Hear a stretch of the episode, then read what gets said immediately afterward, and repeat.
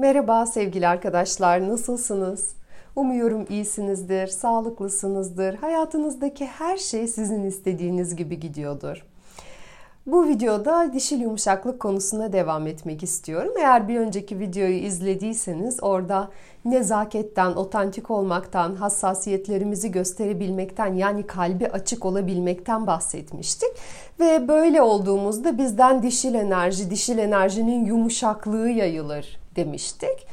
Tabi yumuşaklık sadece bunları içermiyor, daha da fazlası var. Bu videoda da dişil yumuşaklık kapsamına giren diğer iki özellikten esneklik ve işbirliğinden bahsetmek istiyorum. İşbirliği yapabilme becerisinden. Dişil enerjisinde olan bir kadının e, en olmazsa olmaz, en güçlü özelliklerinden bir tanesi içindeki o derin barış hali, işbirliği ve uyum arzusu. Ve bunun nedeni dişil tarafın güven ortamında ortaya çıkabiliyor olması. Eğer biz yumuşak olmak istiyorsak önce kendimizi rahat hissetmeliyiz. Ee, yumuşak bir kadın evet rahatsız olduğunda da katı olmamaya çalışır ancak bu çaba gerektirir. Ve yumuşak kadın aynı zamanda işlerin tam da kendisinin istediği gibi olması için zorlamaz. Bununla zaman kaybetmez. Tam da benim istediğim gibi olsun dedirten şey aslında bizim kibrimiz. Yumuşak kadın kibirli değildir. O gelişebilmesi için gereken o sakin, yumuşak ortamın oluşabilmesi için bazen bir şeyler vermek zorunda olduğunu bilir ve bunu gönüllü olarak yapar. Her şeyin bir bedeli olduğunu bilir. Ee, bunu kalp açıklığıyla kabul eder. Herhangi bir gerginliğin veya dramanın hafiflemesi için birinin geri adım atması, bakış açısını değiştirmesi e, veya e, çıkarımlarını tekrar gözden geçirmesi gerekir. Yumuşak kadın sınırların izin verdiği ölçüde tabii ki bunu yapar. E, geçen gün Mevlana'nın bir sözünü paylaştık. Şikayetçi kötü huyludur. İyi huylu şikayet etmez, tahammül eder diyordu Mevlana. Ee, hemen tetiklenen arkadaşlarımız oldu ve yorumlar geldi. Ne tahammül edeceğim, çeker giderim, durumu değiştiririm. Ee, bir kişi hatta çok güldüm ona. Sağ ol Mevlana, canımız çıksa da teşekkür ederiz gibi kinayeli bir yorumda bulunmuştu. Ee, bu arkadaşlarımız muhtemelen uçlara gittiler. Bu sözden tetiklenen arkadaşlar olaylara tutumlarını gözden geçirebilirler. Ya hep ya hiç, siyah beyaz bu uçlarda mı yaşıyorlar? Çünkü biz dualite dünyasında yaşıyoruz. Her durumun iki ucu var. Bu örnekte uçlardan bir tanesi canım çıkarcasına kendimi feda etmek ve diğer uçta burnundan kıl aldırmamak. Her iki uçta da sıkıntı vardır. Olgun farkındalıklı insanlar grilerde yaşarlar. Onlar koşulları göz önünde bulundurarak karar verirler. Ben hep böyle yaparım veya asla böyle yapmam demezler. O anki koşullara göre en uygun kararı vermek bilgeliktir zaten.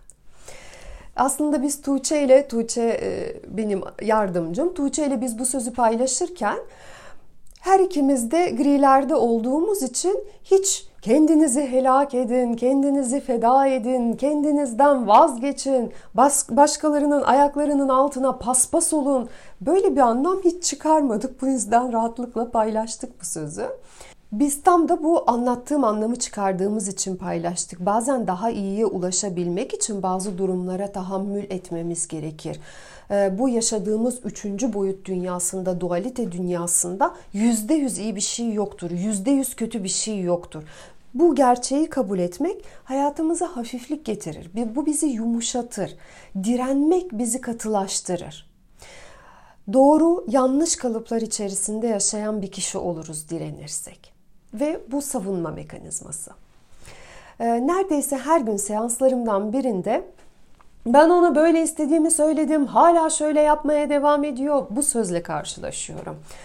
Buradan ne anlıyorsunuz? Kişi partnerine bir direktif vermiş, bir gün içerisinde de değişmesini bekliyor. Ee, ertesi gün olmuş, neden hala değişmedin diye azarlıyor. Size bir sır vereyim. %100 istediğiniz gibi bir sevgili olmayacak. %100 istediğiniz gibi bir ilişki olmayacak. Arkadaş, iş, yaşayacak ülke, hiçbir şey %100 istediğiniz gibi olmayacak. Bunların her birinin hoşunuza giden ve gitmeyen yönleri olacak.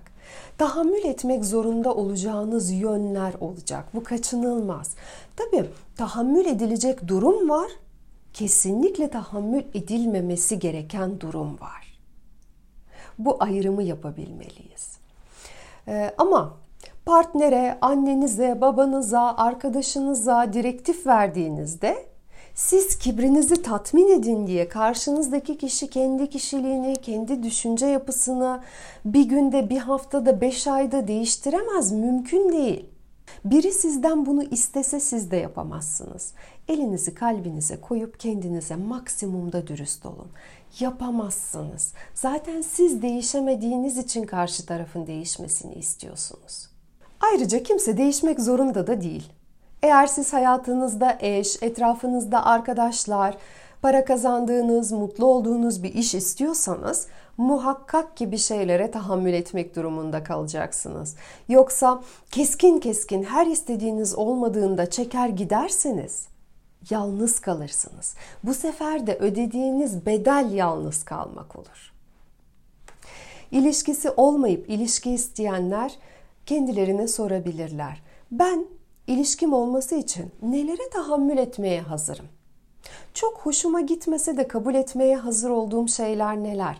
Belki eşinizin horlamasına tahammül edeceksiniz. Onu sevdiğiniz için onun ailesine tahammül edeceksiniz. Sevmediğiniz tarzda bir film izleyeceksiniz. Muhakkak gibi şeyler olacak. Bu kaçınılmaz. Mesela çocuk isteriz ama çocuğumuzun yaptığı bir sürü yaramazlığa tahammül etmek zorunda kalırız. Onu büyütmenin zorluğunu tahammül etmek zorunda kalırız. Ben bu istediğim şey için neye tahammül etmeye hazırım? Hangi bedelleri ödemeye hazırım? Çok önemli bir soru. Yine tekrarlıyorum. Uçlar yıpratır. Ortada, dengede, gri alanda neye tahammül etmeye hazırım? İşte bu esnekliktir. Esneklik ve işbirliği geliştirme sıklıkla sabır gerektirir. Ee, şikayetle, kontrol etme çabasıyla bu özellikler gelişmezler.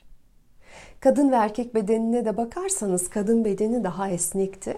Bu da bize esnekliğin daha dişil bir özellik olduğunu gösterir. Yumuşaklıkla ilgili diğer bir konu da aşırı düşünme ve zihnimizdeki o susmak bilmeyen seslerle mücadele etme yani anksiyeteyle. Biz kadınlar yapımız gereği daha nevrotik varlıklarız. Bu da bizi negatif duygulara karşı daha hassas yapıyor. Yani çeşitli durumları daha çok düşünmeye, olduklarından daha kötüymüş gibi algılamamıza sebep oluyor. Biz kendimize böyle sert davranıp e, umudumuzu azalttıkça kendimizi korumak için de sertleşiriz, katılaşırız. Evet, bazen bunu gerektiren durumlar vardır fakat çoğu durumda da açıkçası gerekli değildir. Ve bu dünya imtihan dünyası. Bu hayatta acı var ve yaratılışı biz olduğu gibi kabul ettiğimizde, e, acısız bir hayat beklemediğimizde çok daha gerçekçi yaklaşmış oluruz. Mesela spor yaparken bile canımız yandığında e, bunun sonucunda daha sağlıklı, daha güzel bir bedene sahip oluruz. Özgüvensizliklerimizle ve yetersizliklerimizle ilgili daha açık, daha kabullenici olmak bizi daha özgüvenli ve hatta daha karizmatik olmaya götürür. Daha cesaretli, daha azimli olmak için bizim acının içinden geçmemiz gerekiyor. Onların varlığını kabul etmemiz.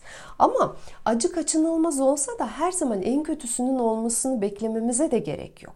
Eğer biz sürekli kötü olacak korkusuyla yaşarsak yumuşamamız mümkün değil. Ve siz de sürekli endişe ve kötü şeyler olacak beklentisi içindeyseniz öncelikle bu durumu fark edin.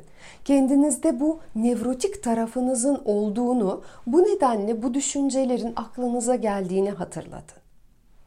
Ancak sizin sadece bu nevrotik tarafınız yok. Siz bundan çok daha büyük, çok daha geniş bir varlıksınız. Sizin olgun tarafınız da var.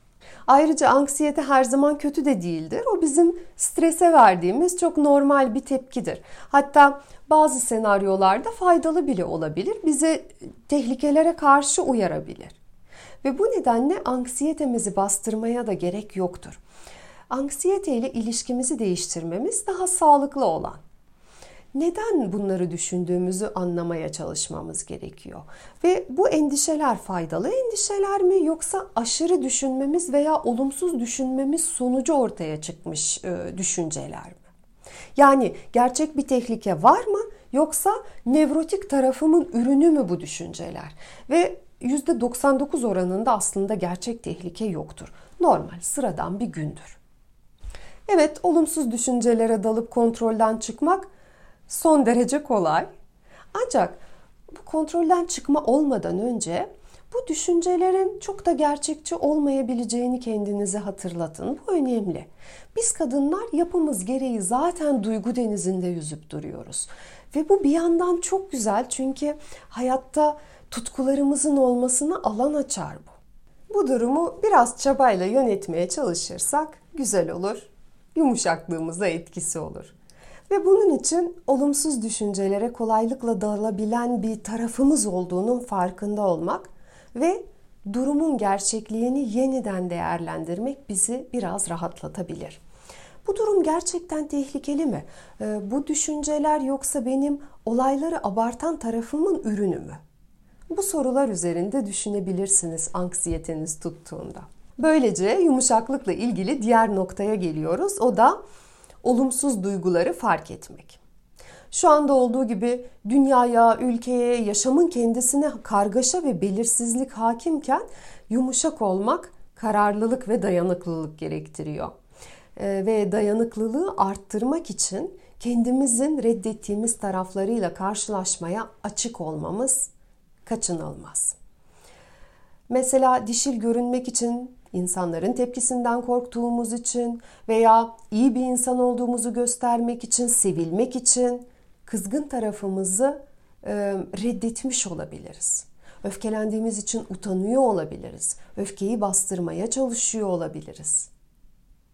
Ailemiz bize iyi kız olmayı öğretmiştir. İnsanları hep onaylamamız gerektiğini öğretmiştir. Fakat biz bir duyguyu bastırdığımızda o bir süre sonra hem daha şiddetli hem de intikam alma isteğiyle beraber gelir. Yani bir duygu geldiğinde çözüm onu bastırmak değil de onun ne demek istediğini anlamaktır. Uygun biçimde onu ifade etmektir. Öfke, üzüntü, kıskançlık gibi olumsuz duyguların bizi içten içe yiyip bitirmesine izin vermemek gerekiyor ama onları bastırırsak tam da bu oluyor. Olumsuz duyguyu hissettiğimizi kabul ederek onu ifade etme alanı yaratarak e, o duyguyu hisseden, yaralanan tarafımızı fark ettiğimizi ve o tarafımızı önemsediğimizi gösteriyoruz aslında. Ancak bundan sonra o olumsuz duyguyu hissetmeye sebep olan her neyse onunla mücadele edebilmeye, onu düzeltebilmeye başlayabiliriz. Eğer biz duyguyu bastırır, onun ortaya çıkmasına e, sebep olan olayı görmezden gelirsek, sağlıksız savunma mekanizması olarak sertleşmeyi, katılaşmayı seçeriz. İşten bile değil bunu seçmemiz. Olumsuz duyguları verimli olacak şekilde ifade etmek başlı başına bir iletişim sanatıdır ve hiç de kolay bir şey değildir kabul ediyorum. Ancak olumsuz duyguları hissettiğimiz zaman kontrol edebileceklerimize odaklanmak, duyguların görevinin bize yol göstermek, olan bir şeye bir şeyle ilgili geri bildirim vermek olduğunu anlamak onları sağlıklı ifade etmeyi kolaylaştırır. Duygularımızla bedenimiz bize hayatımızda bizim için iyi bir şeyler mi yoksa kötü bir şeyler mi olduğunu anlatır. Duygular bizim kendimizi tanıma aracıdır. Onları hissederiz ve geçerler. Sonra başka bir duygu gelir ve gider ve bu şekilde devam eder. Bizim duyguyu bastırmamız değil, onu kullanmamız lazım. Kendimizi tanımak için kullanmak. Mesela üzüntü hissetmek hayatımızda bir şeyin eksikliğini hissettiğimiz anlamına geliyor. Üzüntü bu eksikliğin ne olduğunu araştırmaya başlama ve bu eksikliği doldurmanın yolunu araştırma uyarısıdır. Öfke genellikle sınırlarımızı koruyamadığımızda, bir durumu istediğimiz şekilde yönetemediğimizde veya bir tehlikeyle karşı karşıya olduğumuzu hissettiğimizde ortaya, ortaya çıkan duygu. Ee, öfke hissettiğimizde nasıl sınırlarımızı daha iyi koruyabileceğimizi, durumları nasıl daha iyi yönetebileceğimizi veya durumlardan ne beklememiz gerektiği bunları araştırmaya başlama zamanıdır. Yani duyguların bizi esir almasına ve durumları muhakeme yeteneğimizi azaltmasına müsaade etmek iyi değil. Örneğin öfkeyi biz hiddetle karşı tarafa aktarıyorsak bunun anlamı duygu bizi esir almıştır. Bu bizim ilişkilerimizi bozar, bizi drama üçgeni içerisine sürükler. Diğer uç olan durumda duyguları bastırmak. Ve bu da bizi, içten içe bizi yer bitirir. Bu nedenle duygularınızı anlayın. Hayatınızda neyi değiştirmeniz gerektiğini değerlendirin. Onları daha sakin bir şekilde ifade etmeyi deneyin ki daha verimli çözümlere ulaşabilin. Bu şekilde kendinizi sert, katı birine dönüştürme savunma mekanizmasının üstesinden gelebilirsiniz. Ve umuyorum bu bilgiler sizin için faydalı olmuştur. Ee, bu video dişil yumuşaklık serisinin ikinci videosuydu. Üçüncü bir videomuz daha olacak bu konuda. Yumuşaklık dişiliğin çok önemli bir özelliği. Oldukça detaylı şekilde bunu anlatmaya çalışıyorum. Tabii ki dişiliğin çok daha farklı özellikleri de var. Ve biz bunları ışıldayan kadın maratonumuzda inceliyor olacağız, pratik ediyor olacağız. Bu maraton 21 Nisan'da başlayacak ve şu an hala kayıtlarımız sürüyor. Videonun açıklamalar kısmında maraton içeriğine ulaşabileceğiniz linki paylaşıyor olacağım. Biz bu çalışmayı 2 senede bir yapıyoruz. Eğer ilginizi çekerse, eğer 3 ay boyunca Işıldayan Kadınlar grubumuzun bir parçası olmak isterseniz ve hep beraber daha dişil bir kadın olmayı içselleştirmek isterseniz ben sizinle olmaktan çok büyük bir keyif duyuyor olacağım. Şimdilik sevgiler, hoşçakalın.